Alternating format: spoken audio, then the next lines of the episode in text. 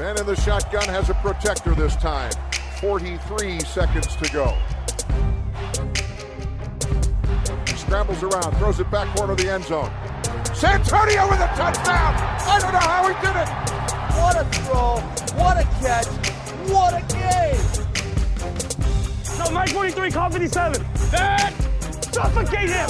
Make him miserable! All game long! Get us the ball back! Could love him or hate him, but he was Brad. Hej och välkomna till avsnitt nummer 300 av veckans NFL när vi ska snacka Super Bowl såklart, Lasse. Eller hur? Mm. Ska vi inte stanna upp och snacka avsnitt 300? Vilket är ditt favoritavsnitt genom åren, äh, Mattias? Det måste vara 163 tror jag. Det tyckte jag var ja, riktigt Jag skulle också säga det. Det håller väl du också med Rickard va? ja, jag minns när jag lyssnade på det. Oj, oj, oj, vilket avsnitt. Mm. Ja. Det är lite det man har att gå tillbaka till så när man är lite down. Så lyssnar man på avsnitt 163 och njuter. Ja, jävlar, ja. det gjorde vi bra. Men eh, ja. vi kämpar fortfarande för att toppa det där avsnitt 163. Kanske ja. Ja, kanske. Nej, men annars är det bra. Eh, jag har alltid tyckt att veckorna går lite för snabbt när det är eh, säsong och så. Att man hinner inte riktigt landa i veckan som var innan man kommer in i veckan som ska vara. Nu går det ju så oerhört långsamt tycker jag. Det kan ju vara för att det är den här jäkla eh, Pro Bowl som har varit också. Men det känns ju som det aldrig är eh, Super Bowl. Eh, och nu, nu är det bara tisdag när vi spelar in så det är ett par dagar kvar också. Jag, jag är otålig. Mm. Exakt, men det är, jag tycker det är skönt med den här extra veckan inför Super Bowl. Jag försökte ju, det brukar vara ganska mycket snack i våran Slack där med våra gänget som stöttar oss via Patreon på matchdagen. Jag försökte slänga in någon kommentar där under Pro Bowl, men det var ingen som nappa. Inte, inte, en, enda, inte en enda kommentar var det under hela Pro Bowl. Tråkigt tycker jag. Det var nog den enda som tittade. jag skrev någonting om interceptions eller någonting tror jag. Det var ju väldigt mycket interceptions i Pro Bowl. Uh, ja, mycket försvarspoäng. Men det var inte så inte spännande. Det, nej, det skrev inte det som någon, någon uh, ljus, ljus eller smartskalle skrev att uh, Trevor Diggs har aldrig tappat en interception. Nej. Uh, nej, det, var nej det skrev jag inte som tur var. nej, var. Nej. Uh, ja, nej, det var kanske inte så många som rattade in den där Pro Bowlen. Den fick ju, uh, det är en, nästan en årlig tradition att uh, alla hatar på Pro Bowl och det var ju kanske sämre än någonsin den här säsongen. Men skills-tävlingen och det var väl hyfsat intressant men själva matchen var inte så mycket ja, ja. kanske. Mika Parsons snabbast i NFL, det är coolt. Just det, snabbare än Tyreek Hill. Ja, med väldigt stora asterisk. men men jag, jag såg en annan, nu ändå dissar Pro Bowl här, att det var ju 6,6 miljoner tittare ändå och, och uh, NBA-finalen kom inte över det. Någon av de eh, matcherna som spelades och även eh, baseballfinalen kom inte heller över det i någon av matcherna som spelades. Så att eh, för att vara den här liksom fula ankungen så slår den ju ändå både basketen och baseballen och såklart NHL-hockeyn på fingrarna. Oj, oj, oj. Då ska man ju skämmas som övriga sporter. Ja, lite så tänkte jag också. Liksom. Här kommer de ut och joggar lite och, och tycker det är roligt och så ändå bara bräcker de Eh, ja, ni kan ju basket. Jag vet inte vilka som är med. Eh, Steven Curry, spelar han fortfarande eller? Fin. Ja, ja, det gör Kommer de ut och bräcker de gubbarna. Skott i Pippen och något. Exakt. ja, Pippen spelade riktigt bra förra veckan. ja, jag kan tänka ja. Uh, ja, nej, men det är, uh, jag vet inte, man ska inte säga, snacka så mycket om Pro Bowl kanske, men det är ofattbart att den där matchen liksom är fyra gånger 15 minuter. Att de inte liksom korta ner matchtiden åtminstone tycker jag. Det, är ett enda långt lidande. Titta på det där. Mm. Baseballen har ju deras, eh, nu vet jag att ni båda vill gå vidare från Pro Bowl så bara håller jag kvar det där. Men det, det, kan den få. Det kan få lite, eh, baseballen har ju det att de som vinner eh, matchen där får ju fördel, hemmaplansfördel i, i sin finalserie. Det är ju svårare att få till eh, med Super Bowl eftersom det är en bäst av en match där. Men var någon som skrev så här att ja, men ge alla lag i vinnande konferens 5 miljoner extra cap space eh, så, så se om det händer något liksom. eh, kan lagen motivera sina spelare med lite mer eh, pro bowl bonusar och sånt så kanske det blir lite match av det. Något får ju hända. Ja, jag vet inte om det är ett förlorat, eh, förlorat fall den här pro bowl matchen. Ja. Det är lite roligare med de andra sporterna. Jag tänker på så här, basketen är ju samma dåliga tempo men då kan de göra lite snygga dunkar och sånt där. Här är det ju liksom ingenting av någonting. Nej. Nej, det är sant. Ja, eh, nej, vi ska ju som klar, så, såklart prata väldigt mycket Super Bowl idag från massa olika vinklar. Eh, lite allmänt om dem och om lagen och hur de kom dit och lite olika grejer som vi tycker är värda att diskutera. Såklart prata om matchen eh, och alla karaktärer i den. Men innan vi gör det så tänkte jag ändå att vi skulle ta en lite lite nyhetssvep. Vi har ju pratat om alla nya headcoaching jobb och det är ju ny, nio stycken nya huvudtränare i NFL eh, nu. Och det är ju ovanligt många. Förra veckan då var det fyra stycken kvar, klara. Och eh, nu är det de sista fem jobben har faktiskt fyllts här. Och jag kan räkna upp dem lite kort så kan vi kanske kommentera dem som vi tycker är intressanta. Vi kanske ska säga något om varje i och för sig. Men Jaguars han anställde ju Doug Peterson som var i Eagles senast och vann en Super Bowl med dem. Vikings anställde Kevin O'Connell som är offensiva koordinatorn i Rams. Dolphins eh, anställde Mike McDaniel som har varit eh, offensiv koordinator i 49ers. Texans anställde Lovie Smith som har varit Ja, han har varit assisterande huvudtränare och ansvarig för försvaret i Texans senaste året här och Saints eh, gav sitt huvudtränarjobb till Dennis Allen som har varit där och rattat eh, försvaret under Sean Payton. Mm. Eh, Rickard, du, du kunde inte hålla tillbaka dina känslor och kärleken med Lovie Smith här, så, så du, du kan ju kicka igång oss. Det låter som att jag tycker att han är den bästa kandidaten någonsin. Ja. Eh, jag, jag, tyckte, jag försvarar ändå eh, anställningen med tanke på att jag tyckte att han gjorde ett bra jobb i Chicago. Eh, det var ju många som hade synpunkter på att de, att, eh, eller det har ju snackats kring den där positionen eh, just för att de hade eh, Josh McCown som aldrig har tränat någonting någonsin. Han har varit assisterande wide receiver coach tror jag på sin sons high school-lag. Eh, det var mellan han och och Brian Flores som stämmer NFL och då helt plötsligt så anställde de Lovie Smith från liksom sin air. Eh, och så kändes det som att det kanske bara var ett PR-trick men jag tycker ändå att de på något sätt får en, en, en bra tränare och så behåller de någon sorts typ av stabilitet där som att han kommer ha kvar den större, större delen av staben. Pep Hamilton som varit QB-coach kliver upp som offensiv koordinator till exempel. Så jag tror ändå att det inte är ett nödvändigtvis dåligt eh, namn. Sen vet jag inte om de själva ser det som en långsiktig lösning eller om det är liknande det här David Cully-experimentet. Att man ger honom ett år så får vi se om han lyckas vända skutan helt och hållet eller om, han, om de går vidare nästa år. Liksom. Ja, nej, men det kanske. Jag har ju mest eh, hemska minnen av honom från college senast där när han, när han gick från NFL och blev huvudtränare med lite eh, pompa och ståt i Illinois och, och var ju bedrövlig som coach där. Men nu är det farligt att jämföra college och NFL. Så det jag tänkte säga, är inte, inte det positivt då? Alla de här lyckade collegecoacherna som misslyckas i NFL så blir det liksom tvärtom. Så kan det vara. Det, det kan vara annat där. uh, men så jag, jag är lite skeptisk, men jag köper dina argument till det.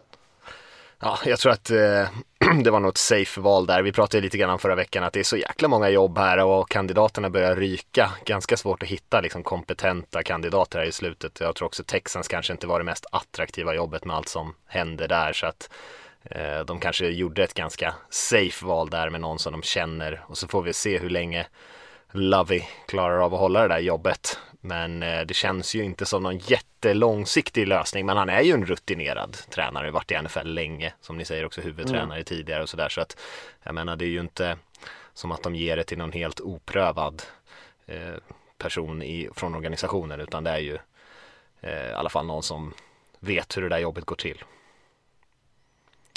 Eh, jag tyckte mm. det var lite intressant med eh, Jaguars och Doug Peterson. Jag och Rickard pratade lite om honom, om, om honom i den här podden som vi har pratat om hundra gånger som vi gjorde om coachkandidater.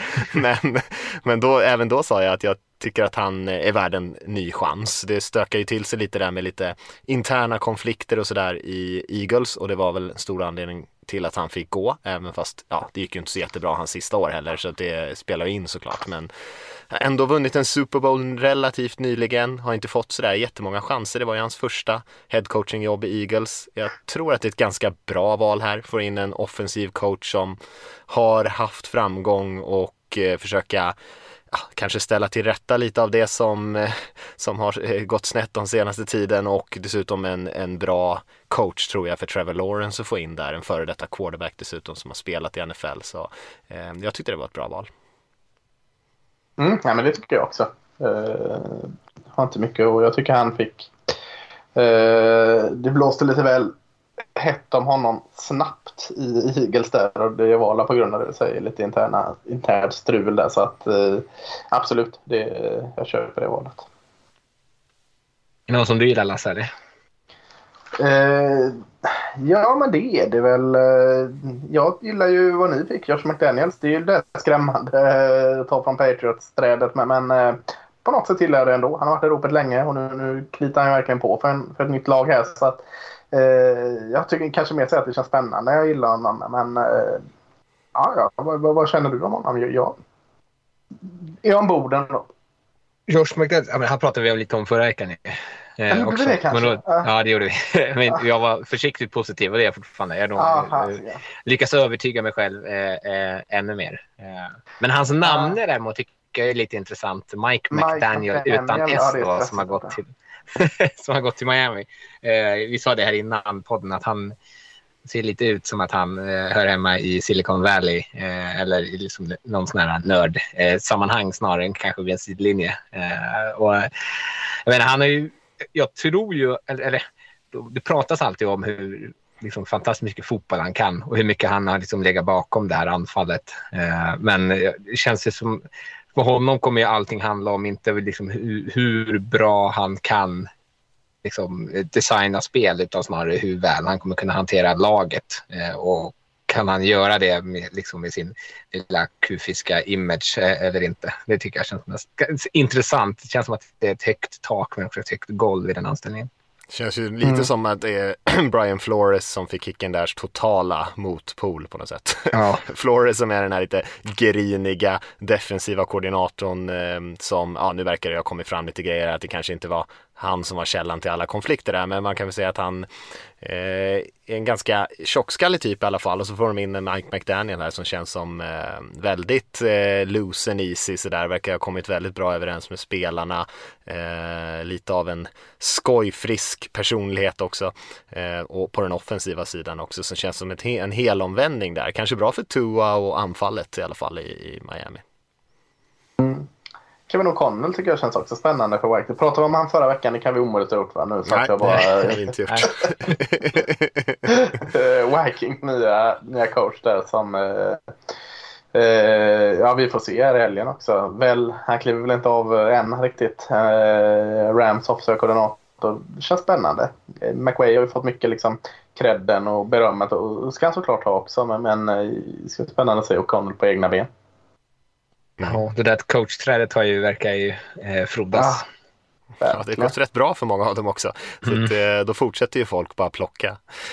Eh, Saints och Dennis Allen, det, det kanske känns som en lite mer, eh, lite som Lovey Smith, att man tar det som finns i organisationen och Lite, Rickard, du har ju ganska mycket koll på honom från hans tid i Raiders, men jag tänker att försvaret i Saints har ju spelat otroligt bra, gjorde det den här säsongen. Mm. Men problemet är ju på andra sidan bollen och där tappar man liksom Sean Payton och Allen var redan där och så ska Allen då eh, med hjälp av lite andra coacher då såklart eh, styra upp anfallet och samtidigt som man ska försöka hålla försvaret lika bra. Ja, det är svårt att se hur de efter Sean Paytons avsked här har gått till en bättre stab. Det, det är ju ganska, ett ganska tydligt nerköp här för Saints som befinner sig i en tuff situation i allmänhet. Ja, och, och ska man liksom jämföra med den här Lavi Smith-grejen att man säger en intern befordran så skulle jag säga att skillnaden är att Lavi Smith lyckades i Chicago och Dennis Allen misslyckades i, i Oakland. Att, jag tycker inte att det inger samma typ av kanske hopp. Nej. Nej, jag ber att hålla med. Och det var ett tufft läge. Alltså jag tänker att det hade varit svårt vem som än hade tagit det jobbet. Ja, så det betyder inte förstås. att Allen hade, kommer vara en dålig på något sätt. Men jag tror att det kommer vara tufft för Saints då som har alla möjliga problem med både lönetak och eh, QB-positioner och massa andra utmaningar som de står inför. Eh, det var coacherna där. Jag tänker att vi kommer säkert hinna prata mer om de här lagen och det, hur de formas här framöver. Det har ju också varit som vi sa, Pro Bowl var ju nu senast, men det var ju också Senior Bowl som vi pratade lite grann om förra veckan. Jag har inte hunnit se så mycket som jag hade velat, så den här lämnar jag med varm hand över till, till er två som har lite bättre koll. Mm, Rickard svor ju en del över tv-tider och, och eh, möjligheten att få ta del av, av det. Jag har tagit gott i mig och, och tog del av allt. Uh, väldigt skönt här. Ja, men det är skitkul. Det, det nämnde vi förra veckan eh, vad som är så roligt med det. Men uh, ja, jag tycker det är roligt.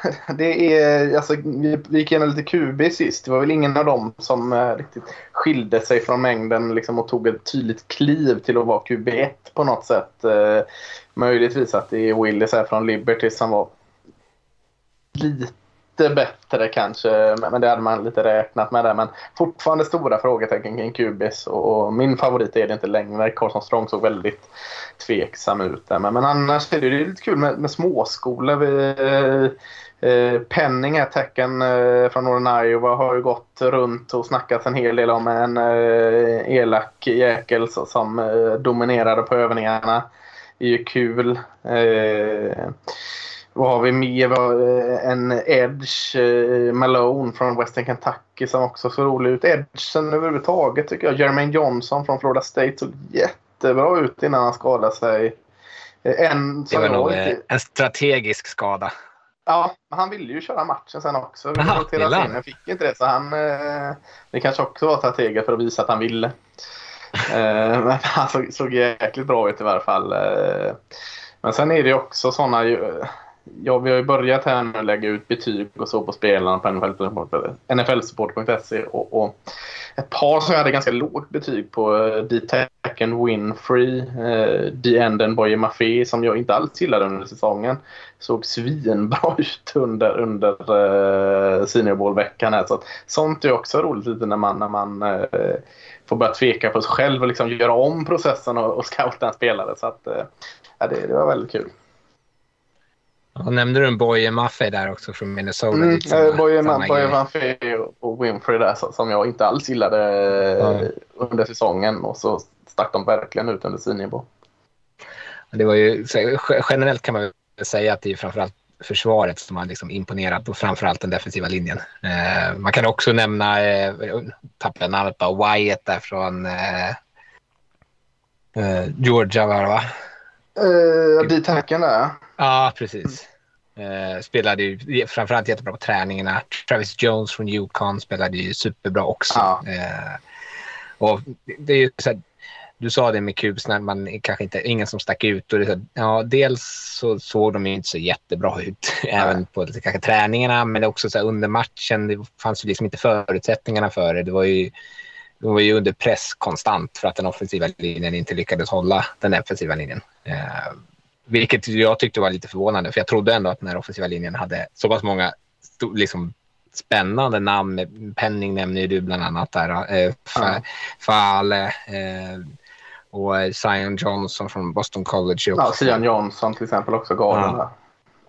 Så eh, det var lite synd kanske att man inte såg dem. Eh, och jag var ju så öppet kritisk mot Malik Willis mest för att så här, eh, väga över det här med att alla, alla experter liksom, helt upp över öronen förälskade i vad han gjorde. Och jag tyckte snarare att man liksom fick en, en bekräftelse i vem han är. Och det är ju en spelare som kanske inte är ett färdigt passningsvapen men som är otroligt elektrisk när han har bollen i handen. Och det är ju så här, fine. Han springer med var jätte, jättefint men han har inte sen, samtidigt, liksom, han hittar inga passningar i matchen. Han, har, han är inkonsekvent under träningen också med sin bollplacering. Så vad man hittar är väl kanske där, den här grejen som gör honom unik men också otroligt mycket att jobba på. Mm, nej, jag håller helt med. Det är ju ofta sådär lite under draftsäsongen att eh, folk går in med sina favoriter och så letar man lite efter grejer som bekräftar det som man redan Ja. tycker. Och det är svårt att, svårt att byta åsikt. Och det är, är ju sjukt viktigt eh, egentligen. Eftersom utvärderingen är ju inte färdig förrän liksom, det är dags att börja drafta. Så att, men det brukar ju hända en hel del grejer här. Nästa stora grejer är väl egentligen Combine va? Eh, Mm. På draftschemat och den är väl i början på mars vill jag säga. Ja, det stämmer. Och så sen är det ju alla de här Pro Bowlsen som eh, universiteten har för sina spelare som poppar upp på lite olika datum. Så är det ju draften i april där sen. Just det. Och vi kommer ju tillbaka efter säsongen här och pratar mera draft. Eh, Jajamän, massor. Så då kommer, då kommer vi in på många av de här spelarna igen. Eh, Senior Bowl, Pro Bowl till Super Bowl kanske, som är ändå det som är viktigast just nu. Och eh, ja, vad kan man säga om Super Bowl till en början? Den kommer ju spelas i Los Angeles. Det har vi pratat om tidigare på nya pampiga arenan där och eh, brukar ju kicka igång vid halv ett och eh, ta lite längre tid än en vanlig match just för att det är lite extra lång halvtid. Där det är en riktig hiphop-tung halvtidsshow. Vad mer kan man säga? Det är andra året i rad som eh, ett, eh, liksom, ett hemmalag spelar. Eh, för, alltså för, förra året spelade vi Bucks för först, det första laget som spelade Super Bowl på sin hemmaplan någonsin. Och så nu andra året i rad då spelar Rams då, som det andra laget någonsin på sin hemmaplan, vilket är lite unikt. Är det Vegas nästa Super Bowl eller? Jajamensan, så det här känns ju lovande. Det är en bra trend. En bra mm. trend. ja. Varför inte? Ja. Det, det, är inte? det är väl inget mer långshot att eh, Vegas ska spela än att Bengals är där i år. Nej, verkligen inte. Uh, verkligen inte. Bengals som har chansen för första gången också. Det kanske vi kommer in på sen. Men, men uh, uh, vi var lite tveksamma när jag slog av det sist förra podden där att de aldrig hade vunnit. och det har de faktiskt aldrig. Så att, alltid roligt också när det är en som har chans för första gången att vinna tycker jag. Oh. Ja. Ja visst, eh, det är som sagt, vi pratade om det förra gången, det är ju två eh, rätt kul lag ändå som det finns ganska mycket att, säga om tycker jag och det kommer vi komma in på. Eh, vad ska, vi, vad ska vi säga? Jag, jag nämnde ju halvtidsshowen där, lite hiphop-tung, eh, Dr Dre och Snoop, Eminem, Mary J, eh, Mary J Blige då och Kendrick Lamar som kommer köra halvtidsshowen. Känns som att det är ganska mycket hiphop-legender där som ska köra. Även fast Lasse han hade velat se lite mer old school, lite mer LA-känsla på dem. Ja, jag tycker, alltså jag tycker att det är en bra line-up såklart. Lamar, Kendrick Lamar har jag ingen liksom, koll på. Jag vet inte ens hur han låter, men, men eh, det är säkert bra. Eh, men jag är inga. Men i fasken när man ändå är inne i den här hiphop-skålen och plockar och i LA så jäklar vad det hade funnits med.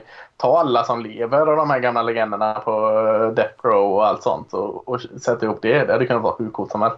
Kanske lite uh, kunnat gå hur som helst också men uh, nej, jag, jag, är nöjd. Uh, det är absolut. Men uh, ja, hade lite mer, lite mer tunga i jag tycker att det är en bra lineup. Det, det jag ser verkligen fram emot halvtidsshowen. Det är ju en av kanske få gånger, eller man brukar ju sig kolla på den här i slutändan ändå. Men eh, jag kommer inte liksom eh, gå iväg och koka kaffe eller vad man nu än gör i halvtidsshowen. Utan det här ska jag sätta mig ner och titta på. Ja. Mm. Det kommer jag nog också göra. Jag är lite hiphop, eh, hiphop eh, fan också så då blir det lite extra roligt. Även fast några av de här kanske, det var ett tag sedan de gjorde någonting som toppar listorna, några av de här gubbarna. Men eh, det blir kul tycker jag. Eh, du var inne på kaffe där Rickard. Lite, lite mat och dryck. Vi brukar alltid prata rätt mycket om det. Jag, jag har inte direkt eh, tänkt så mycket på det i år. Har ni några tankar kring vad ni ska äta och dricka under Super Bowl? Ja, ska du, du avsluta med dessert Rickard? Det, det är ditt bord. Så, mm. uh, vi kör ju ofta det när vi brukar kolla Super Bowl med att vi uh, tar med oss av de lagen som kommer till final. Då, liksom. Så rätter, temat ska vara Cincinnati och Los Angeles då även i maten och drycken här. Så att Cincinnati chili finns ju. En lite mer amerikansk chili con carne om man säger så. Som, som helst ska ätas med spaghetti så den är inte sådär, det är inte sådär fotovänlig liksom. Och så ett berg med, med ost på. Eh, men den kan man ju ta som, som sen middag om inte annat. Eh, för den är nog lite maffig att slabba i sig liksom till kick-off. Eh, eh, men, men den, är, eh, den är god. Jag vet att Magnus på redaktionen här är en jäkel på den och gillar den. Och så eh, till matchen då så är det ju eh, French Dip Sandwich som eh, uppfanns i Los Angeles. Den är lite mer så fräsch. Det är, eh, man steker till flankstek lite snabbt och så eh, lite eh, ost på och så har man en, en lite köttbuljongaktig dipp. Man dippar den mackan i där så den känns lite mer passande till kickoff kanske när, när hungern börjar komma igen. Eh, så, så de är två rätter med, med anknytning. Skulle ni ta någon så, så, känns då den sista lite mer så kul för själva matchen än, än att sleva spagetti. Det är ju som en amerikansk spagetti och köttfärssås nästan. Eh, Men man kan ju slopa spagettin också. Den är ganska matig i sig. Jag har bara i huvudet för jag lyssnar på Raiders podcast när deras beatriders är och när de har varit i Cincinnati på matchen och ätit uppe i presslogen. Eh, liksom, logen. att, att de bara så här, det var det äckligaste maten som vi någonsin har sett. Och då nämner de den där spaghetti chilin bland annat. Så tänker jag att jag hoppas du inte lagar den alltså. Uh, jag tycker Men det- den, är, den är god men den är inte så liksom. Det är ju som du slevar upp spagetti och köttfärssås. Det är ju inte så jävla spännande. Nej, det är det ju inte. Jag tänker också LA, det är ju väldigt mycket eh, mexikanska influenser också. Alltså, så Ja. det finns ju lite där att hämta om man nu ska... Det är lite, lite lätt. Ja, Dryckerna kanske var svårare att dricka, alltså cocktails och sånt från Cincinnati. De växte inte på träd. De har ju Sid Signum är ju, jag kommer inte ihåg vad den heter, om den heter Cincinnati Cocktail. Du tar en julslager och så tar du vatten, alltså sodavatten och så kör du 50-50. Så den blir ännu ljusare. Så så den, den, Det var den tror jag- riktigt blekt alltså. den, tror, den tror jag vi slopar. Uh, däremot är Moscow Mule, trots namnet, den är från uh, uppfanns på en bar i LA. Eh, det är ju med vodka och så har du ingefära och ginger beer bland annat där. eh, lite lime i eh, och mycket is. Så den är, den är jäkligt god. Så uh, Moscow Mule kan ni göra om ni vill dricka nå- någon uh, alkoholhaltig dryck till och vill du ha eh, utan alkohol så är det bara att slopa vodka. Mm. Ja. jag äter ju ingen mat så här dags. Jag förstår inte hur man eh, klarar av det mitt i natten. Eh, jag brukar kanske baka något bröd. Jag lägger ju min fokus på kakor. Eh, Mm. så jag, I år har jag gjort, ska jag prova något nytt recept på så här chocolate chip cookies som jag gillar. Som ska, det ska stå i kylen nu i ett dygn. Det får gärna stå mer än så, men jag kommer, så länge orkar jag inte vänta. Och sen ska jag göra små såna här munk Alltså som, man gör en munkdeg och så istället för att göra stora munkar för att det alltid, allt, de blir allt så fula så gör man små bollar med dem istället som man sen rullar i sig socker och kanel.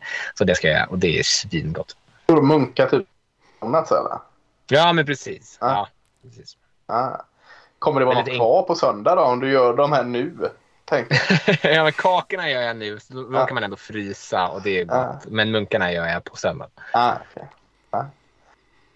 Blir du inspirerad Mattias eller går du... Eh, kommer du bli och dagsbeslut? Coca-Cola.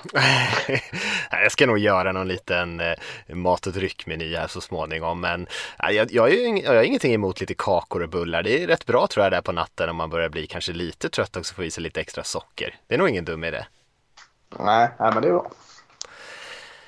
Eh, ja, ska vi gå in lite grann på att prata om eh, lagen som eh, har tagit sig dit. Eh, Rickard, du nämnde ju att eh, du hade lite grejer kring de här lagen ändå.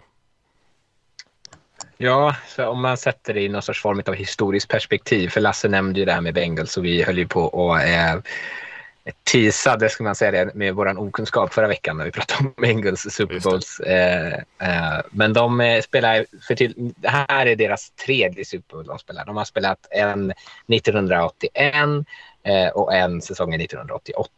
Eh, och lite, de torskade 1981 mot eh, 49ers och det var 49ers i- det, liksom, första vinst och så här början av deras dynasti där i tid, eh, liksom 80-talet och framåt. Eh, och det var ju också 49ers som de mötte och förlorade då mot 1988.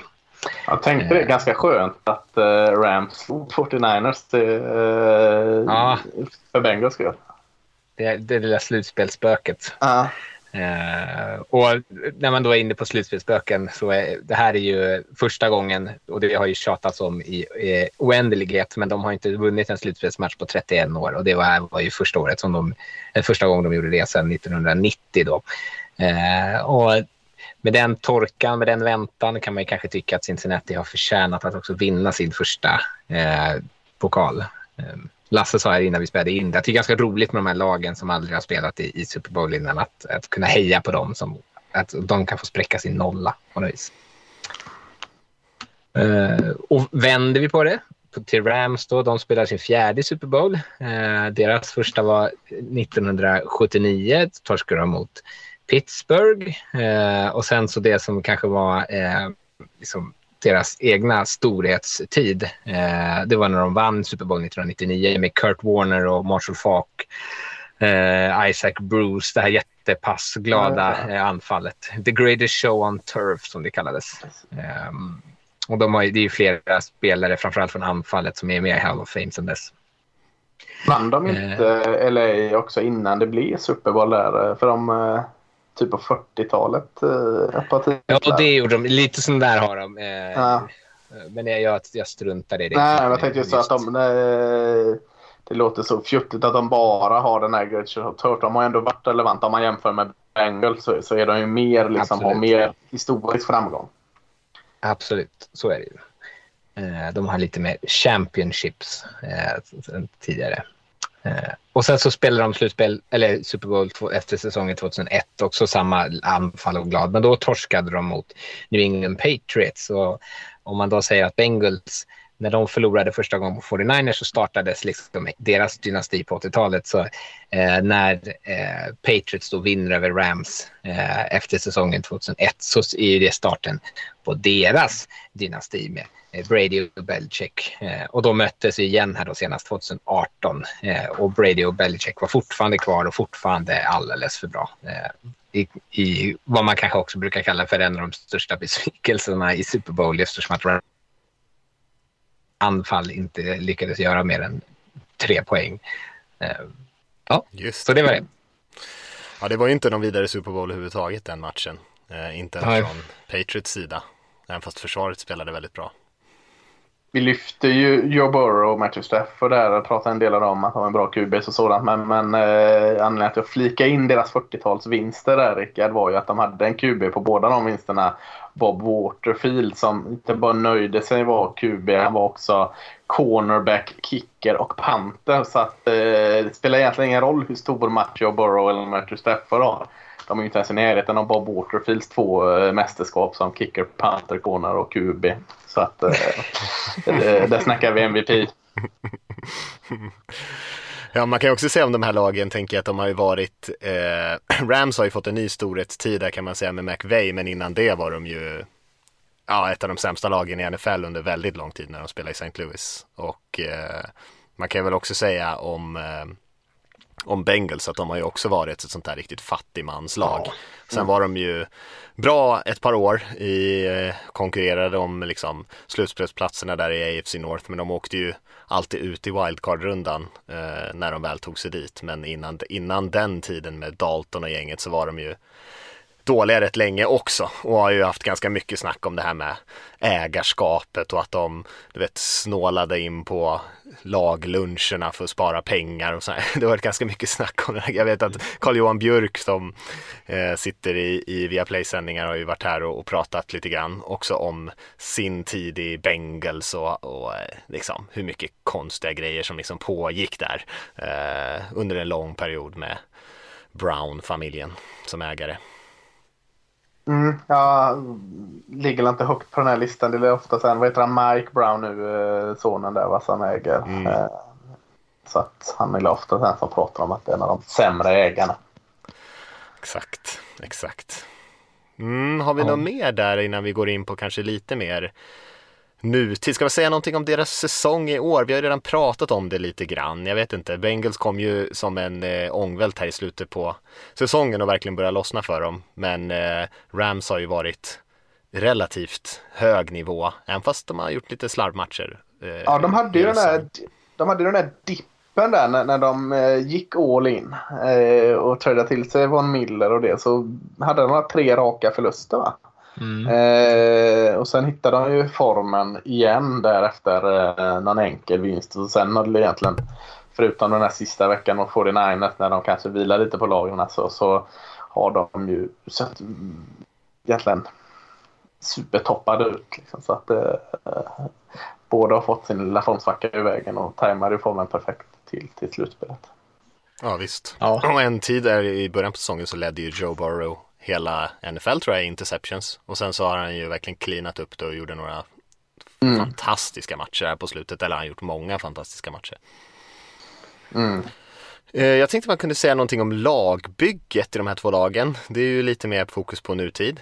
Men jag tycker ändå det är ganska intressant ändå. Vi har ju pratat om Rams lite grann hur de har tradeat bort alla draftval och eh, verkligen när de känt att, det här har, att de har det här fönstret öppet bytt till sig massa spelare. Du nämnde ju några där Lasse, men Stafford såklart, eh, Odell Beckham Jr och eh, tog in Von Miller och eh, Innan det så draftade man ju väldigt bra ändå och byggde upp en ganska bra kärna i sitt lag och sen har man verkligen kryddat med de här free agents för Bengals har det ju gått väldigt fort. Man gjorde ju egentligen båda de där grejerna samtidigt. Eh, investerade rätt kraftigt i free agents, framförallt inför den här säsongen. Samtidigt som Burrow skulle gå in i sitt andra år, man draftar Chase. Eh, så ni, båda har en ganska bra mix av liksom spelare som man har eh, utvecklat själva och sen spelare som man har tagit in i free agency.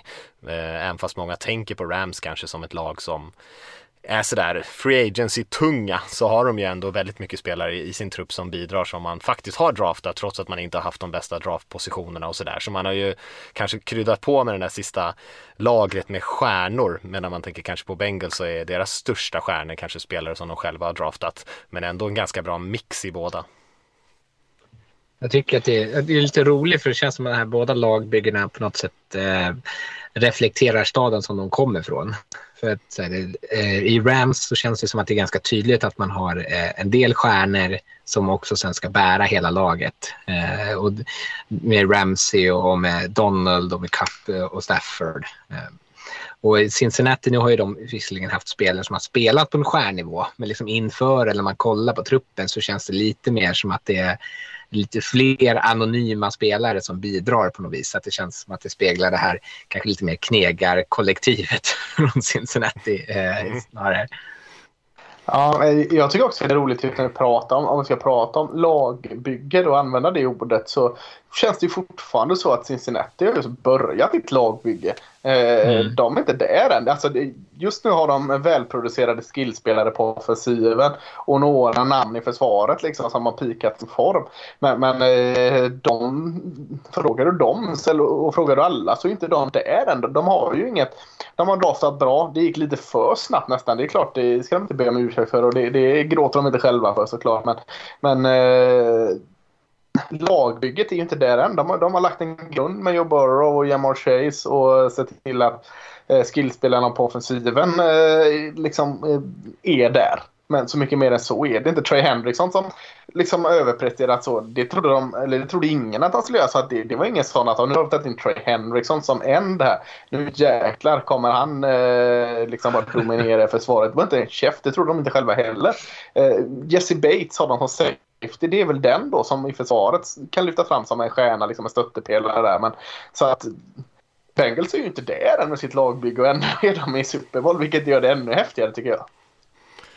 Ja visst, de har ju många som, eh, som ni är inne på, många spelare som ändå spelar bra för dem men som många kanske inte känner till så jäkla mycket. Eh, som är ganska så här, ja de går in och gör sitt jobb och mm. har en ganska jämn nivå utan att ha så mycket eh, Eh, dippar i sin trupp men de har ju inte alls samma stjärnglans kanske som det här LA-laget och som du säger Lasse, gick kanske fortare än vad ens organisationen själva hade trott. Och mycket av det beror ju såklart på att Chase, att han skulle komma in så här snabbt och vara en sån superstjärna, det var det nästan omöjligt att förutspå.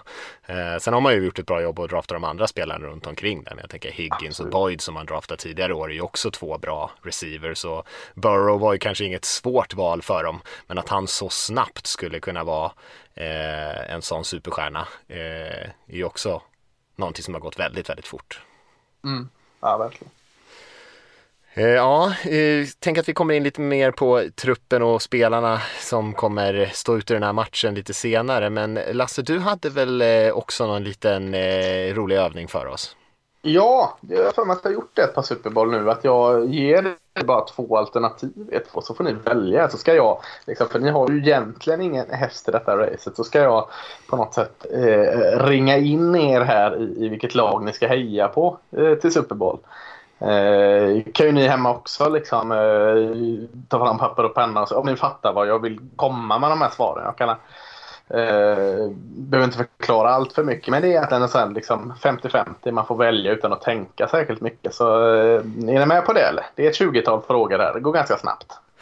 Ja men det är vi. Det, vi fick en liten kommentar. Rickard, eh, Rickard lämnade oss ju lite eh, hipp som happ förra veckan men eh, när, vi, när jag blev förvånad över hur, hur fan det blev 15-5 i våran lilla övning där. Så då, det känns som att det, det är du som är liksom maestron här av den här eh, den övningen. Men, men eh, vi kickar igång. Då får ni Hall of Fame eller Walk of Fame. Vad, vad, väljer, vad väljer du Mattias? Eh, Hall of Fame tar jag nog då. Ja, Rickard? Ja, samma här. Samma här. Ja, okej. Eh, sandwich eller chili? Den är ju enkel att veta. Man kan med. Rickard? Chili. Chili där, ja. Mm. Ja, eftersom ni har dissat så mycket så säger jag sandwich i så fall då. Ja. Mm. Eh, då får du den här. Roger Staubach eller John Elway, Mattias? John Elway. Mm. Nej, Starbuck. Ja. Eh, vänta nu ska jag se så jag håller räkningen här. Vad sa du Mattias? Du sa eh, John Elway, Elway. va? Ja, ja, ja, och eh, Rickard sa eh, Staubach. där. Mm. Får ni en till? Den här är ju svår för dig Mattias. Så du får börja med den. Russell Wilson eller Bobby Wagner? Eh, oj, vilken svår fråga. Eh, mm. Då säger jag nog ändå eh, Russell Wilson tror jag. Mm. Rickard? Ja, jag håller med. Ja. Eh, Golden Gate-bron eller Shiny Theater? Golden Gate-bron säger jag. Mm. Mm, det säger jag nog också. Mm. Chefingenjören på Golden Gate-bron var ju från Cincinnati. Den, den ligger ju som ni vet i San Francisco så jag är inte helt ute och snurrar. jag försöker inte ens förstå det här. Nej, tänker- eh, Capital Records eller CNN, Rickard? Eh, Capital Royal, ens- eh, jag säger C. Gammalt skivbolag. Ja. Ja, ja ursäkta. CNN säger jag. Ja, det säger jag Capitol Records då. ja. eh, Och CNN ligger Atlanta där med Ted Turner är ju från eh, Cincinnati så inte blir arga där hemma. Eh, Dodgers eller Reds, eh, Mattias? Eh, Reds säger jag då. Då säger jag Dodgers. Reds är ju USAs äldsta baseballlag där så att det är fint det. Ja. Eh, ja. Brunbjörn eller björnkatt, Rickard? Brunbjörn. Brunbjörn. Ja, jag säger också Brunbjörn. Mm. Ja, bra. Eh, Bo Derek eller Doris Day, Mattias? Bo Derek måste jag säga där faktiskt. Jag har ingen aning om vilka, vilka människor de här Då säger Bo jag den Derek, andra. det är två gamla sångerskor. Bo Derek var också fotomodell. Eh, Visst finns det någon Jag film med en- Bo Derek man såg när man var ung? ja, Ja, just det. Jag minns Jag någon, säger andra bara för att inte hålla med Mattias. vad, vem var, vad sa du Mattias? Var det inte någon lite småsexig rulle med Bo Derek? Eller blandade jag ihop Ja, namnen jo, jo, jo, det var det. Ja, Jo, det var det. ja. Doris Den- Day den säger du. Eh, kan man kategorisera in i, i jazzhaket där. Eh, då, får du, då får välja mellan eh, Hajen eller Armageddon då, Rickard. Hajen. Hajen. Mm, Hajen. Hajen. Eh, Det är ju regissörer som är födda i städerna. Där, så. Båda gjorde säkert i Hollywood. Eh, någon del av det. Eh, då får du välja mellan Beach Boys eller månlandningen. Nu är jag inne på 60-talet här. Rickard. Eh, då säger jag Beach Boys. Ja, uh, månlandningen säger jag månlandningen. Neil Armstrong var från Cincinnati. Eh, då får då, då är det Rickards tur att välja mellan Afghan Wigs eller Weird Al Yankovic. Jag tar Weird Al Yankovic.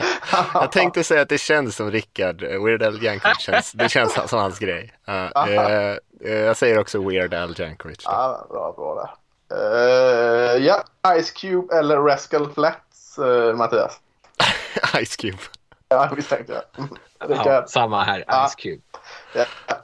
Eh, vad hade Det jag var där? taskigt tycker jag. Det var taskigt mot det ena laget.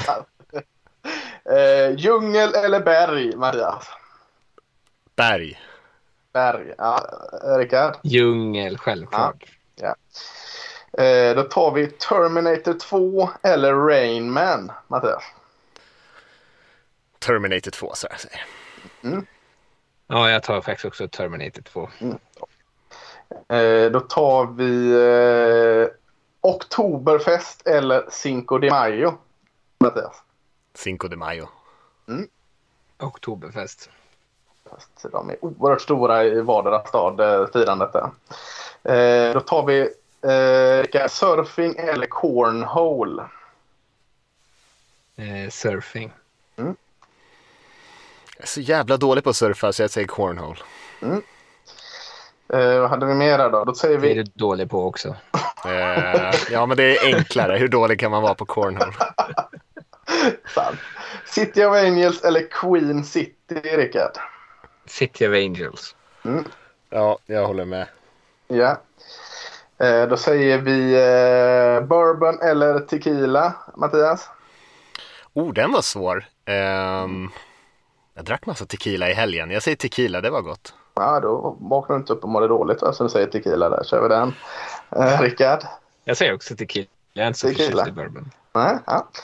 Eh, så kör vi Brasilien eller Holland, Rickard? Brasilien. Ja, Brasilien. Ja. Eh, snart klara. Eh, Postal Lasky eller Lonnie David Franklin, Mattias? Eh, nummer två. Lonnie David Lonnie. Franklin. Ja. Då tror jag nummer ett. Ja, det är Men jag känner mig lika Cincinnati- förvirrad som Mattias. Cincinnati Strangler är den första och den andra är Grim Sleeper. Det, det är två massmördare. Mm. Ja, måste man ha med. Eh, sista då. Eh, Boomer Esiason eller Kurt Warner, eh, Rickard? Kurt Warner. Ja. Nej, han är för, han är för eh, ordentlig. Jag säger Boomer Esiason. Boomer där. Ja, men bra. Då har vi eh, Rickard får heja på domarna för han är 11-11. Oj! Ja, Alltid domarna. Verkligen tudelad. Och eh, Mattias som, är, som har, jag skulle säga har sina rötter i, Los Angeles men har i alla fall bott där. eh, Du har ju Rams då. Du är eh, eh, 14-8 där. Oj, det var tydligt. Mm. Ja, så, så där har ni eh, vad ni ska heja på där. Jag vill inte ens veta hur lång tid det tog för dig att ta fram de här frågorna. det, det skrev jag väldigt snabbt. Ja, Du är det kan någon dina där? regissörer. Cincinnati Strangler är ju faktiskt ett riktigt Ja, bra massmördarnamn. Alltså. Jag, eh, jag såg någon true crime dokumentär om honom. Och så eh, tänkte jag han måste ju vara med. Så jag var tvungen att hitta en massmördare, eller en seriemördare i, i, i LA också. Det var inte svårt att hitta det efter en googling. Är det någon annan där Lasse du känner att du vill förklara? Eller var Eh, vilk- vilk- Ja, månlandningen där, det är ju Neil Armstrong. De, de sköt ju inte upp från Cincinnati där. Eh, men det förklarar jag väl. Russell Wilson är från Cincinnati. Bobby Wagner är från LA. Eh, har ni det? Doris Day är från Cincy och Bo Derek från LA där. Eh, vad har vi med? Djungel tänkte jag. Jag är lite osäker på vad, vad den bengaliska tigern eh, håller på att springa runt i. Men, men jag tänker att det är närmare det hållet i alla fall. Och så berg ju då för den här rammen. Den gillar jag uppe i, i berg. Mm. Filmen Terminator 2 var ju LA. Eh, filmen Rain Man med, med vad är det, Dustin Hoffman och eh, Tom Cruise i Cincinnati. Eh, Cincinnati har världens största Oktoberfest och LA har, an, tror de har världens största Cinco de Mayo utanför Mexiko. Eh, det var väl det. Bourbon är det för att eh, Ohio gränsar till Kentucky. Tequila är för att Kalifornien gränsar till Mexiko. Eh, Holland spelar i orange, Bras- eh, Brasilien spelar i gulblått. Svårare än så behöver det inte vara. Mm, nej, nej. Så, så där har ni det. Vet ni Ja, vad, ni ska, vad ni ska heja på? Ja, men det var riktigt bra Lasse. Ja. Riktigt bra tycker jag. Eh, många långsökta eh, frågor där. Ja, Som alltid. Som det ska vara. Han fick ändå ta bort ett par. det är bra. Uh, ska vi gå in på matchen och säga något om den? Eh, och vi hade ju lite olika rubriker här som vi tänkte att vi skulle prata om och sen kan vi väl säga lite om matchen efter det här. Men det första vi tänkte på var väl att säga någonting om kanske coacherna. Och eh, man kan väl säga att de är väldigt olika i, ja, kanske inte är så himla olika i stil. Jag tänker att Zack Taylor ändå eh, kommit fram lite med lite personlighet i år när han åkte runt på Cincinnati-barer och, och delade ut bollar och grejer. Men, Just det, ja. men annars har ju McVeigh är ju någon som har varit ja, den här geniförklarade eh, personen, kört hard knocks, varit med mycket i tv, det snackas mycket om henne medan Zack Taylor kanske man inte har lärt känna så himla mycket. Ja, eh, det var du som eh, sa det. Det har poppat upp lite överallt. Att förra året var det de äldsta, två äldsta coacherna eh, ihop som, som eh, coachade Super Bowl. I år är det de två yngsta eh, ihopslagna åldern där. Så att, eh, det är nya NFL vi ser för jämfört med förra årets för, förra NFL. Men det är intressant. Han vinner Sean McVay så är han ju också yngst i historien. Han, har, han är några månader yngre än vad Mike Tomlin är som har det just nu. Ja. Just det, då är det ändå hans Ja. andra chans. Det känns som att han borde vara äldre för han har varit med i ropet så länge men han fick ju jobbet väldigt ung. Ja. Ja, men eh, intressant också. Zach Taylor var ju i Rams när de var där senast ju. Ehm, så det är lite kul att båda två har spelat och förlorat varsin super, eller en Super Bowl. Ehm, säkert sugna på att eh, lösa det. Ehm, men annars, jag vet inte vem man skulle ge fördel eller något. Skulle jag nog säga ändå att det är Rams som har den. Eller? Ja, känns också det. Eh, det du säger också. Det har varit det förr visserligen. Alltså Taylor är också. Men McQuay har ändå varit i Super Bowl och, och som, som huvudtränare innan också. Och, nej, jag, jag gör också Sean McQuay fördelen där. Ja, det skulle jag också göra. Eh, Zach Taylor kanske känns lite grann som, som resten av laget som du var inne på Lasse där. Kanske inte, man trodde inte att han var riktigt redo att stå på den här eh, scenen och eh, leda sitt lag. Men eh, han har ju verkligen överraskat positivt får man säga sen han tog Verkligen. över Bengals. Och eh, verkligen ly- lyckas bygga någonting där. Mm. De är Två ganska bra Två ganska bra defensiva koordinatorer också. Man har pratat mycket om Raheem Morris också, att han skulle eventuellt vara en huvudtränarkandidat. Men har ju fått ordning på det, eller fått ordning där försvaret varit bra, eh, även före han kom dit. Men gör det bra. Och eh, Lou Anarumo som är defensiv koordinator i Bengals, som vi har ju tidigare lyft att de har varit duktiga på att liksom, eh, ändra sin spelplan under matchens gång. Eh, det känns också ganska kul, eh, tycker jag. Mm, nej, jag håller med. Ja, Jag tycker det är spännande koordinatorer överlag. Alltså O'Connell nu som blivit huvudtränare hos uh, Gamble är det gamlingen i det här sammanhanget. Callahan där som ändå har gjort det bra. Verkligen. Och, och två offensiva coacher som har mycket gemensamt stilmässigt sådär såklart också. Eh, men det syns kanske inte sådär jättemycket i, i spelsystemen. De spelar väl kanske lite olika men det beror ju kanske på att de också har väldigt olika lag eh, att coacha. Så är det. Mm.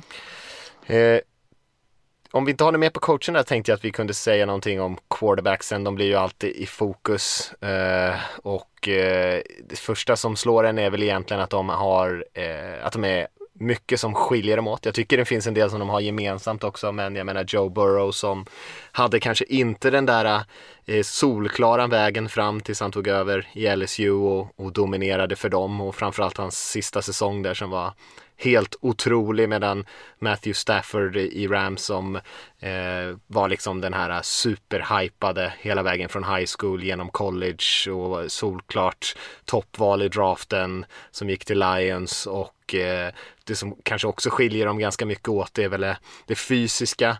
Jag menar jag tänker att eh, Stafford har ju alltid varit den där med den där exceptionella armen. Kanske en av de absolut bästa kastarmarna i NFL har han alltid varit känd för. Eh, varit lite av en gunslinger medan Joe Burrow, det som pratades om honom, som möjligtvis var negativt när han draftades, även fast det var väldigt många som gillade honom eh, och vi pratade väl högt om honom innan han draftade också. Och, eh, men han, eh, det möjliga kritiken var ju att han kanske inte hade den där topparmen. Att han liksom hittade andra sätt att vinna. Att han kanske var allra bäst i det mentala spelet. Eh, totalt omöjlig att få uppstressad, vilket kanske man ser också i de här både i matcherna men även under, liksom, när han blir intervjuad, presskonferens och sånt där. Känns som att han är extremt självsäker och trygg i sig själv och eh, bara allmänt sån där filbunke. Jag tycker det som de har gemensamt kanske båda de här två det är väl att de har en förmåga att leverera sent i matcherna när mycket står på spel, eh, leda de här sista drivesen för att vinna. Eh, Ja, så skulle jag i alla fall säga. Men på det, liksom, det första man tänker på är att de är väldigt olika, haft en väldigt olik väg dit de är idag också. Mm, eh, hypen från college har väl båda gemensamt. Båda var väl ordentligt hypade när de kom in där. Men, men som säger, men, men eh, Ja, det är lite orättvist mot Stafford där också som han har varit med så mycket längre. Så man minns både fantastiska vändningar och eh, tvärtom när han har totalt liksom eh, tappat matcherna eller förlorat matcherna. Eh, just för att han har spelat i ett lag där liksom så mycket eh, ligger och liksom står och faller med honom i Lions. Så att det är lite orättvist att bara... Jag bör har knappt haft hunnit få chansen att eh, liksom bli förlorare hittills. Så, det är lite väl lätt tycker jag att bara liksom applådera Joe Burrow och inte applådera Matthew Stafford. Så, jag, jag, jag tycker det är två bra QB som möter den här eh, fighten. Just nu håller jag nog ändå fördel Joe Burrow för att han känns så liksom bekväm i vinnarkostymen på något sätt. Eh, det tror jag är ganska viktigt i en sån här match. Han är ju så eh, Alltså filbunk är ju ett bra sätt. Han är ju så cool alltså ja. hela tiden. Eh, framförallt så syns det på planen hur han liksom flyttar sig runt i fickan. Han blir liksom inte stressad fastän den där offensiva linjen många gånger liksom bara läcker igenom spelare. Så mm. skuttar han ett, step, liksom ett steg åt sidan, ett, ett, lite framåt, lite bakåt och så hittar han en passning i alla fall. Det är ju otroligt imponerande att han kan vara så kylig eh, hela tiden. Eh, jag, är, jag är mer orolig då att att Stafford tar ett dumt beslut i någon, liksom, när han blir stressad än vad jag är att Burrow skulle göra det. Mm. Mm. Och det har ju pratats om att det är farligt att blitza Burrow. De har ju haft problem med sin passblockering men trots det så har han levererat och det vi pratade om under slutspelet att även fast han har varit under press så har det inte riktigt synts, i alla fall inte i statistiken. Utan han har liksom kunnat navigera det rätt bra ändå och det college-systemet han hamnar i LSU där bara sprida ut sina receivers, låta honom läsa hela planen, hitta bra alternativ och, och liksom vinna matcherna på det sättet. Lite samma sak är ju det som vi har sett även här. Han har ju tre bra receivers men Eh, springspelet har inte alltid klickat även fast eh, mixen är bra men blockeringen har inte alltid funnits där men eh, liksom sprida ut spelarna och låta honom liksom eh, hitta var pressen kommer ifrån, hitta öppna receivers. Den delen av hans spel är ju oerhört imponerande för att han bara är liksom i sin andra säsong. Mm, ja,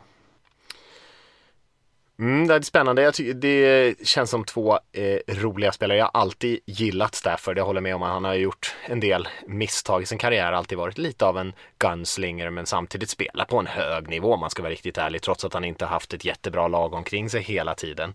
Eh, så det känns ju som att det är Två väldigt intressanta spelare. Joe Burrow är ju oerhört lätt att tycka om också tycker jag. Eh, och verkar ju gå verkligen hem i laget där också. Mm. Ska vi se, jag funderat lite grann på några så här doldisar som kanske skulle kunna dyka upp i den här matchen. Och det var ju faktiskt lättare att hitta dem på eh, Bengals-sidan tyckte jag egentligen.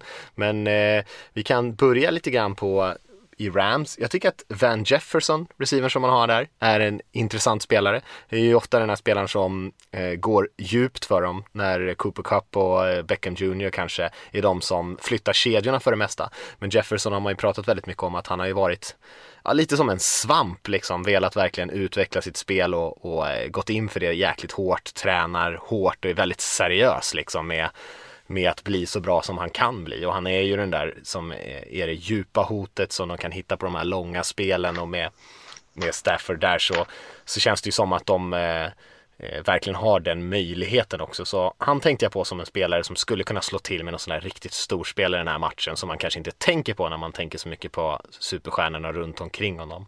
Tänkte också lite grann på eh, Von Bell som spelar safety för Bengals. Eh, är ju en en spelare som har spelat en nyckelroll för dem just för att han är ganska mångsidig. Vi har pratat ganska mycket om Jesse Bates, men de har ju lite luckor i sitt försvar ändå där de inte har stjärnor på alla positioner och Bell hjälper ju till att begränsa det lite grann just för att de kan flytta runt honom ganska mycket. Tänkte först att han kanske var lite som deras Tyron Matthew-typ, men det är kanske inte riktigt samma typ av spelare, för Matthew är ju lite här corner safety-hybriden, medan Von Bell kanske nästan är mer den här safety linebacker-hybriden. Mm. Så han kan spela djupt safety och göra det ganska bra, och det har han gjort mycket här på senaste tiden. Men framförallt eh, kanske är han jäkligt bra i boxen också, så han är kanske lite mer Harrison Smith i Vikings, den typen av spelare. Och eh, hjälper dem att täcka mycket av de här ytorna där de vet att här kanske det finns en liten svaghet. Ja, men då vet vi att på det här spelet så kan vi flytta ner Von Bell därför. Han har ju alltid varit en spelare som haft massor och massor av tacklingar från sin safety-position. Eh, samtidigt som han är relativt bra i passförsvaret också, även fast han kanske inte är den supermest atletiska och springa med receivers i man-man försvar och sånt där. Men väldigt, väldigt användbar för dem. Spelare som inte pratar så mycket om. Tänkte också på två Cincinnati-spelare till som jag tänkte att jag skulle lyfta i alla fall och eh, den ena tycker jag är Tyler Boyd som har varit i Bengals ganska länge eh, och kom ut från college och spelade ju faktiskt bra för Bengals ganska tidigt. Är ju den här killen som springer de kortare routsen, när Higgins kanske är receivern som står för de här spektakulära eh, en mot en mottagningarna när man slåss om bollen uppe i luften och, och Chase är den här explosiva spelaren som både skapar stora spel men också är bra efter mottagningen. Boyd är ju mer den här eh, slot receivern som tar de korta passningarna, flyttar kedjorna för dem. Eh, väldigt, väldigt användbar. Och så tänkte jag också på Sam Hubbard som är deras eh, end på andra sidan av Hendrickson som eh, de också draftade och som har spelat bra utan att vara någon superstjärna för dem men är väldigt, väldigt användbar och särskilt när Hendrickson kanske drar på sig mycket uppmärksamhet att han är den som får kliva fram i hans eh, om han får för mycket uppmärksamhet och inte kan påverka matchen lika mycket så är Hubbard en sån typ av spelare. Så det var de fyra spelarna som jag lyfte, tyvärr tre eh, Bengals-spelare men Eh, det, det, i Rams är det ju som sagt lite mer tongivande stjärnor. Mm. Jag har varit in, inne på ett par eh, av dem du har nämnt där också. Jag tänkte Van Jefferson också i Rams eh, direkt där som eh, en dålig. Sen tänker jag eh, Rams safety-par där. Taylor Rapp och Nick Scott. Eh, låter inte jättehäftigt. Taylor Rapp har varit lite upp och ner. Tyckte han var bättre, kanske mer stabilare förra året. Men Nick Scott här eh, kom från ingenstans tycker jag och har spelat stundtals riktigt, riktigt bra i det här slutspelet. Så det kan jag tänka mig är en sån där dålig som kan liksom komma fram i skuggan och Jalen Ramsey som styr det också. Så eh, eh, är det någon som ska liksom ta ett avgörande pick här eller något så kan jag tänka mig Nick Scott som, som jag tycker liksom spelar på väldigt hög nivå just nu i varje fall i Rams. Eh, skulle kunna tänka mig vara en sån doldis då i, i det mer profilstarka Rams-laget. Eh, eh sen eh, är det lustigt att du var inne på eh, Von Bell i, eh, i, i Bengals för jag, jag tycker han är Jo, men jag säger att han är dålig i coverage. Alltså, du är ju inne exakt på vad det är. Han är ju en jättebra box safety. Eh, där är han jättebra. Men jag tycker han är oerhörda, eh, oerhört bränd blir han emellanåt som safety tycker jag, Von Bell. Eh, det är ju lätt liksom att hetsa upp sig för honom när man ser de här stora spelen nära boxen och tänker oh, Von Bell, ja, grym han är. Men, men så, så ser man till nästa spel, liksom, han var, hamnar helt fel. Så att den här trion som eh, spelar med Jesse Bates, där Eli Apple, Von Bell och Shidoba Awuzie det är ju inga stjärnor någon av dem där. Eh, jag tänker att någon av dem kanske läge för dem att motbevisa det att någon av dem har en stor match. Någon av dem tar en pick eh, för att avlasta lite i Bengals offensiv där. Så, så eh, om du ändå lyfter fram Von Bell då så, så lägger jag mig i Von Bell eh, facket också då. Trots att det kanske är den minst eh, tänkta göra en pick. Men, men kanske en, en eh, forcerad fumble då kan vi säga. Mm, det är han ju bättre på än, än mm. Pixen. Ja, nej, han är ju ingen, eh, han är ingen spelare som man vill ha en mot en mot en duktig receiver. Men snarare nej. i fall att han kan täcka lite ytor. Men ja, bäst är han väl kanske när han kommer ner lite grann i mitten av plan eller boxen. Mm. Sen nämner du Telly Boyd. Jag tycker alltså att det är ju, är ju ingen dålig men jag tycker fortfarande han får för lite. Nu har han fått mycket credit sista men T. Higgins är ju förbannat bra. Alltså, eh, dålig är det inte men det har varit så oerhört mycket på Jamar Chase och Burrow Connection här som man har, tycker man har pratat lite lite om att han har minst lika god connection med T. Higgins så att eh, Ja, inte superstjärna är han inte ändå i alla fall. Så att eh, jag, jag lägger mitt fokus på honom. Då tänker jag bara slänga in där som att vi ändå pratar om alla deras receivers, du nämnde allihopa. Men tight-enden CJ och Zuma är också en spelare som är väldigt viktig i deras passanfall. Eh, ja. Som jag tänker mig kommer kunna ha en stor roll. Jag vet inte, det ju, generellt så kommer ju Rams ha svårt att matcha alla de här bra receiversna. För de har kanske inte ett så starkt och framförallt inte ett så brett secondary. Eh, och då är det liksom hur, hur de väljer att liksom fördela sina resurser så kommer det öppna sig. Chase kommer ju de ha fokus på att plocka bort. Ja. Men Boyd, Higgins och Zuma, någon av dem kommer ju ha en sån här riktig kalasmatch tror jag. Och ser ju hela ner bara. Han uh, ja. skadar sig Han har varit med i intervjuer. Han verkar ju väldigt positiv och glad. Ja. Så verkar ju på honom som att han kommer att spela. Sen ja. vet jag inte om... Annars hade han kanske sett lite ner ut. Ja, samma är med Tyler Higby då. Tyrenen mm. i Rams har ju också skadade sig där. Så att, eh, då kom ju Bryson Hopkins in och gjorde en fin match för dem i och för sig. Men, men eh, båda Tyrenerna där kan man ju hålla ögonen på och se om de ser 100% ut. Ja, och det var ju kanske alla de här receivers och även Usama som vi pratar om här. Det är ju, alltså det, känns, det var ju lite därför jag också tänkte att jag, alltså jag blev lite frustrerad på att man eh, gick in med så mycket tunga tight end formationer och sprang med mixen och sådär förra matchen. Det gick ju bra för dem till slut, men jag tänker att här, styrkan i det här laget är att man har så många bra spelare, passmottagare i Bengals. Och det känns som att man borde försöka utnyttja det lite grann och eh, se till att verkligen hitta de bästa matchupsen ute på utsidan i första hand tycker jag. Eh, men det blir intressant att se om man löser det. Mm. Det ligger ändå någonting i att de måste ju ha hotet av att springa för att de ska kunna, alltså ska, de, ska deras femma ställa sig upp och bara, men kom Miller, kom Donald, liksom, kom Floyd. Så då, det kommer, den matchen kommer de inte vinna. Så kan de liksom tjäna sig en 0,3 sekunder liksom på att de måste fundera på, de kanske springer. Eller om de bara kan bara ruscha rakt fram, liksom ohindrat. Det är taskigt att säga mot den offensiva linjen. Nästan sant. Nästan ohindrat, bara rätt igenom. Eh, så då kommer ju Burrow inte få någon tid överhuvudtaget. För att springa kommer ju kanske inte handla om att så här, det, kommer, det i sig kommer ge en massa positiva spel, men det kanske gör att, de får, att det öppnar upp lite mer i passanfallet. Ja, det är ju en svår situation för dem. För jag skulle gärna se att de springer ur lätta formationer, men om de blir övermatchade på linjen så kommer de ju ingenstans då. Tyvärr funkar Nej. det ju inte så jättebra när man tryckte in en massa extra kött heller. Alltså det, de kom ju ingenstans ändå, utan det blev ju bara liksom lite mer lättläst. Så jag vet inte riktigt hur de löser det, för de kommer ju säkert få stryk, eller de kommer få stryk på linjen troligtvis i den här matchen.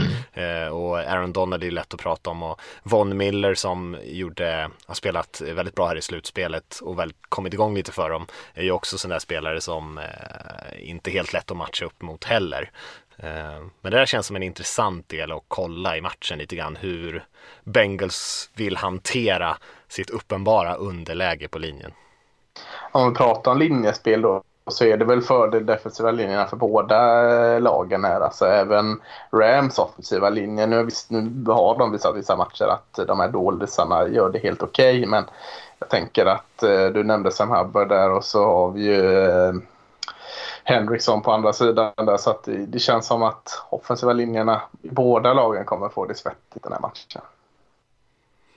Mm, ja, och där känner jag ju, om man, om man pratar om tränare så har jag ett större förtroende för att McVay kommer kunna få igång ett springspel som på något sätt kan liksom negera liksom den effekten.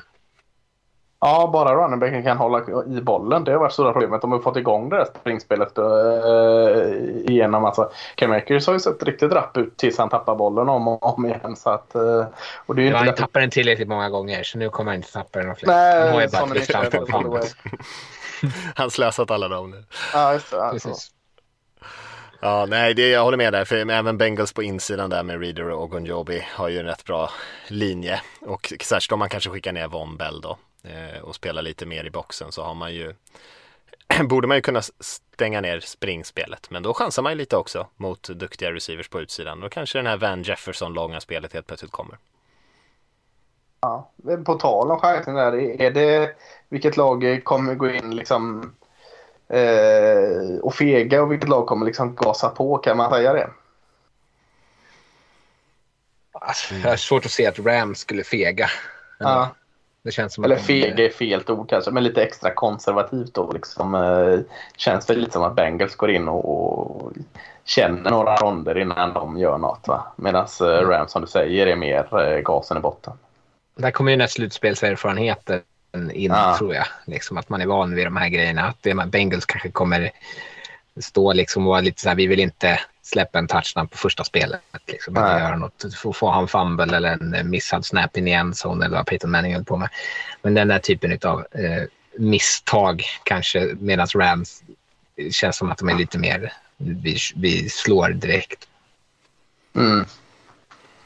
Mm, de borde ha lärt sig någonting av förra när de eh, Ja. eh, inte kom någonstans mot Patriots. Det här är ju ett helt annat lag såklart. Men eh, som ni var inne på där med Anoruma och hans försvar så har de ju ändå varit ganska bra på att anpassa sig efter motståndet och trolla lite grann med knäna på det här försvaret utan att liksom kollapsa även fast de har mött bra anfall. Så de är inte helt lätt uppluckrade ändå. Verkligen. Ja, vad är, tänker ni mer på den här matchen? Vad, är, vad tror ni blir avgörande? Ja, det hade varit lite charmigt tycker jag om en annan uh, rookie, en, eller en Chase eller eh, det säger Joe Burrow som rookie här, men, men eh, en viss kicker som går in och avgör detta för, eh, Bengals. hade inte det varit en bra storyline genom hela liksom. Bengals uh, Super Bowl att han som liksom är doldisen som de också har frågasatt lite draften varför tar ni en kicker där vi har så många behov så att han går in och avgör detta det, det tycker jag hade varit en skön liksom, story som tar med oss denna. Eh, när klockan står på noll och han ska sparka hem det åt den. Och han, och han, Evan McPherson kör samma då. Bara, I guess we're winning the Super Bowl. Ja. See you at the parade. ja, ja, nej. nej, vi pratade om det förra veckan. Kanske på väg mot det bästa slutspelet vi någonsin sett från en kicker om man gör en bra Super Bowl här. Och särskilt om de vinner då. Om, om man får avgöra så är det nog ingen fråga längre. Utan då har vi nog inte sett något liknande av en kicker ha- som har den typen av påverkan på matcherna.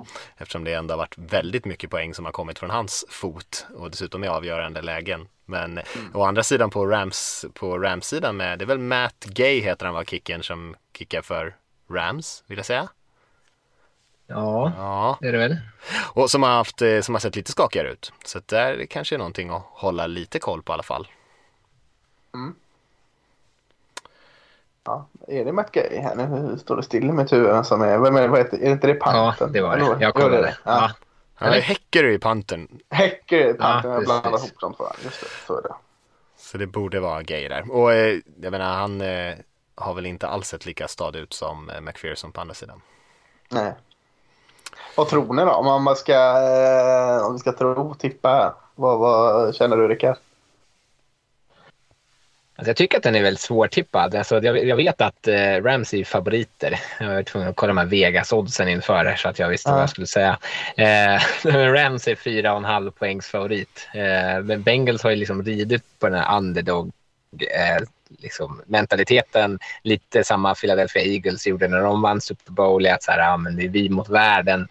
Eh, jag har svårt egentligen att, att känna mig säker på någonting, men jag tror att den här Rams defensiva linjen kommer ta över matchen lite för mycket. Så jag, jag håller ändå, eh, jag tror ändå att det är Rams som kommer vinna den här i slutändan. Ja, känner du Mattias? Mm. Jag tycker också att den är jättesvår. Jag, jag, i, hu, hu, hu, hu, hu, eh, jag säger att Bengals vinner då i så fall. Eh, och att eh, Joe Burrow löser den där eh, defensiva linjedominansen från Rams.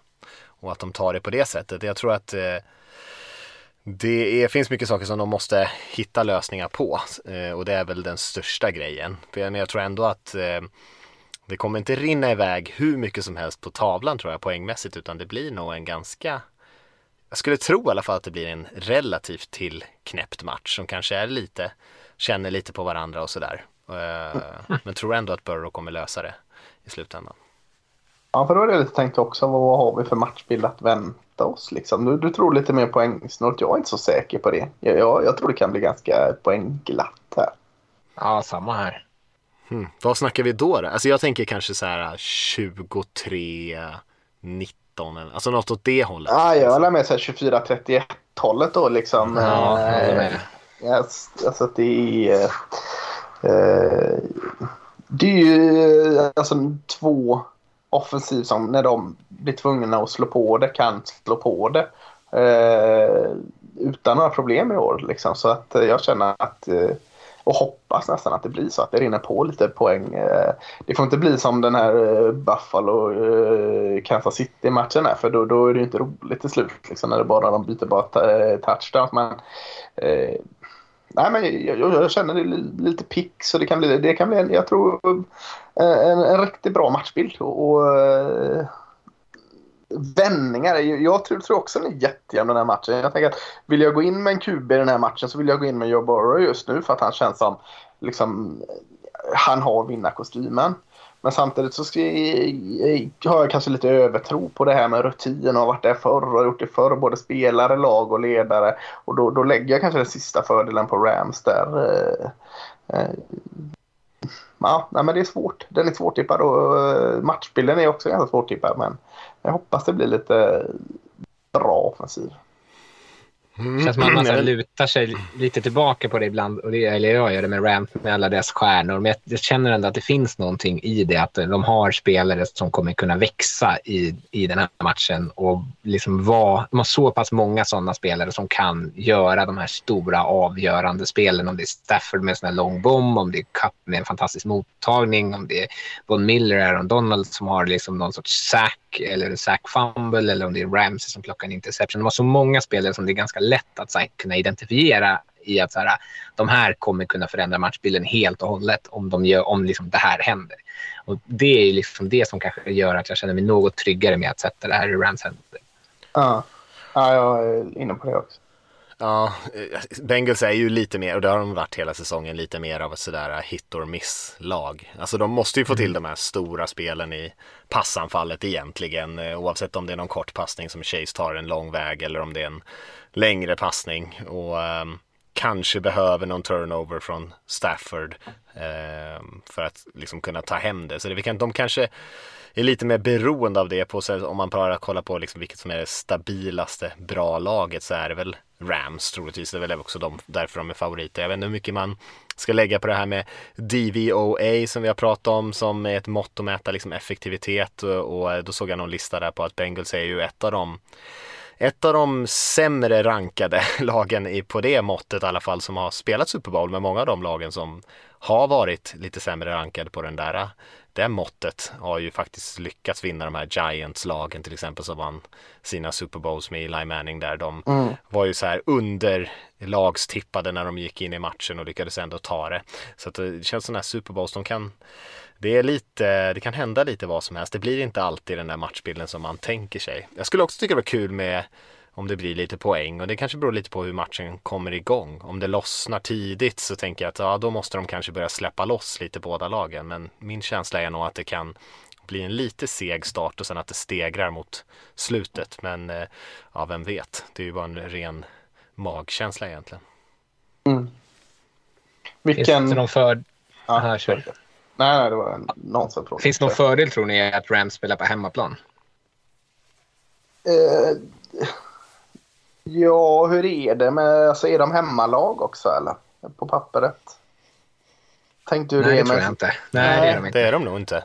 Nej, men jag tänkte hur det de är byter om i sitt omklädningsrum i alla fall vet jag. Ja, de gör det liksom för sådana för att eh, annars publiken, jag kan bara tänka mig hur mycket, hur många gånger de ska filma in alla kändisar i LA-eliten och Hollywood-eliten och det så att de här Blue Blood-fansen som är där liksom och hejar från Nosebleed-sektionerna. Ur den aspekten är det väl ingen jättefördel tänker jag. Men, men de känner arenan, och kan arenan och de uh, går där de går till varje match. Ur den aspekten så är det ju en fördel. Men inte just här publikmässigt så tror jag inte det är det. Nej, Nej publikmässigt såg det inte Från läktarna blir det säkert inte.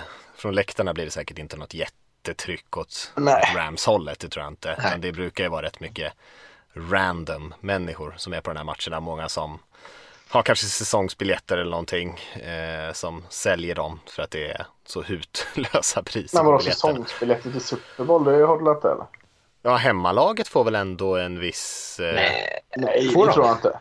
Men de deltagande lagen får väl ändå, nej säsongsbiljetter kanske inte gäller nej, men de får nej, väl ändå tilldelade en hel del biljetter till respektive lag va? Tror du det?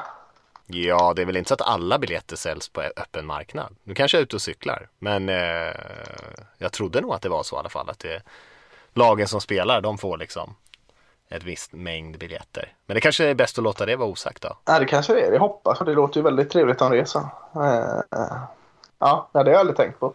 Det hoppas jag. Ja, det, Ja, annars är det ju ännu mindre såklart. Men då borde ju Bengals få lika många. Det kan, LA kan ju inte få fler bara för att det råkar vara i LA. Eh, Nej, så är det ju inte. Så att, eh, Eh, då tappar du den fördelen där också. Ja, ja, det Jag tänkte, det jag tänkte säga det, i den här Championship-matchen så såg det inte ut som att de hade vidare mycket hemmaspel, hemmafördel i alla fall. Det var ju mer 49ers-fans än det var Rams-fans. Mm. Mm. Vilka är det som sänder matchen? Oj, bra fråga. Ja. Vilka, som, vilka kommenterar matchen? Ja.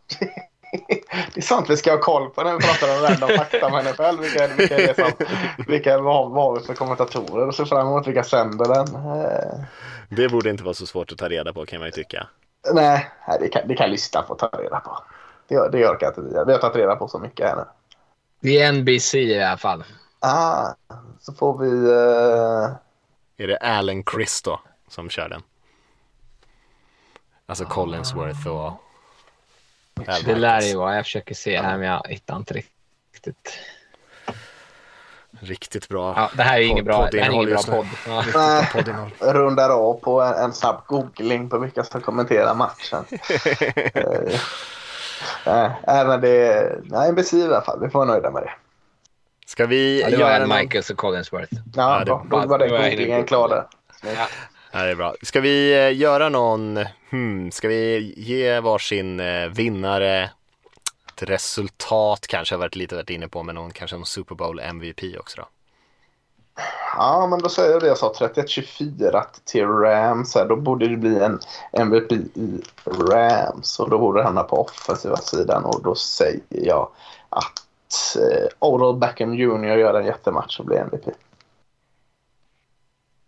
ja, jag tror också att Rams tar det här, men eh, jag, säger kanske 28-24 eh, och jag skulle gissa på att det är Aaron Donald som blir MVP. Hmm, jag, jag skulle ju säga lite mindre poäng än er, men nu har ni nästan lurat upp mig på någonting här. Jag säger, eh, Högre, högre, högre. jag säger eh, 24-20 till eh, Bengals då. Och eh, att, eller ska vi säga, ska vi säga kanske 24-23 eller något sånt där och att de vinner i slutsekunderna och Burrow blir MVP. Ja. Inte McPherson. Ta McPherson. Hur många field goals måste han kicka då? Då måste han typ ha sex Det räcker bara att han gör det sista. Ja, nej men kul match verkligen känns det som och det lär ju bli mycket snack i, eh, i upptakten här. Det känns som att det finns ganska mycket storylines och vi har ju varit inne på rätt många av dem här ändå. Eh, mm. Har vi något vi vill, vettigt som vi vill runda av med?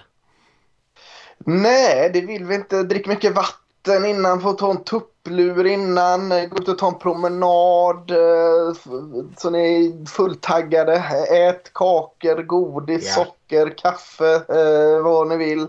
Eh, och se till att ha en lucka på måndagen så ni inte behöver gå upp och jobba eller annat sådana här onödiga saker. Eh, ta detta för vad det är, lite bättre än julafton och, och, och eh, respektera Super Bowl helt enkelt.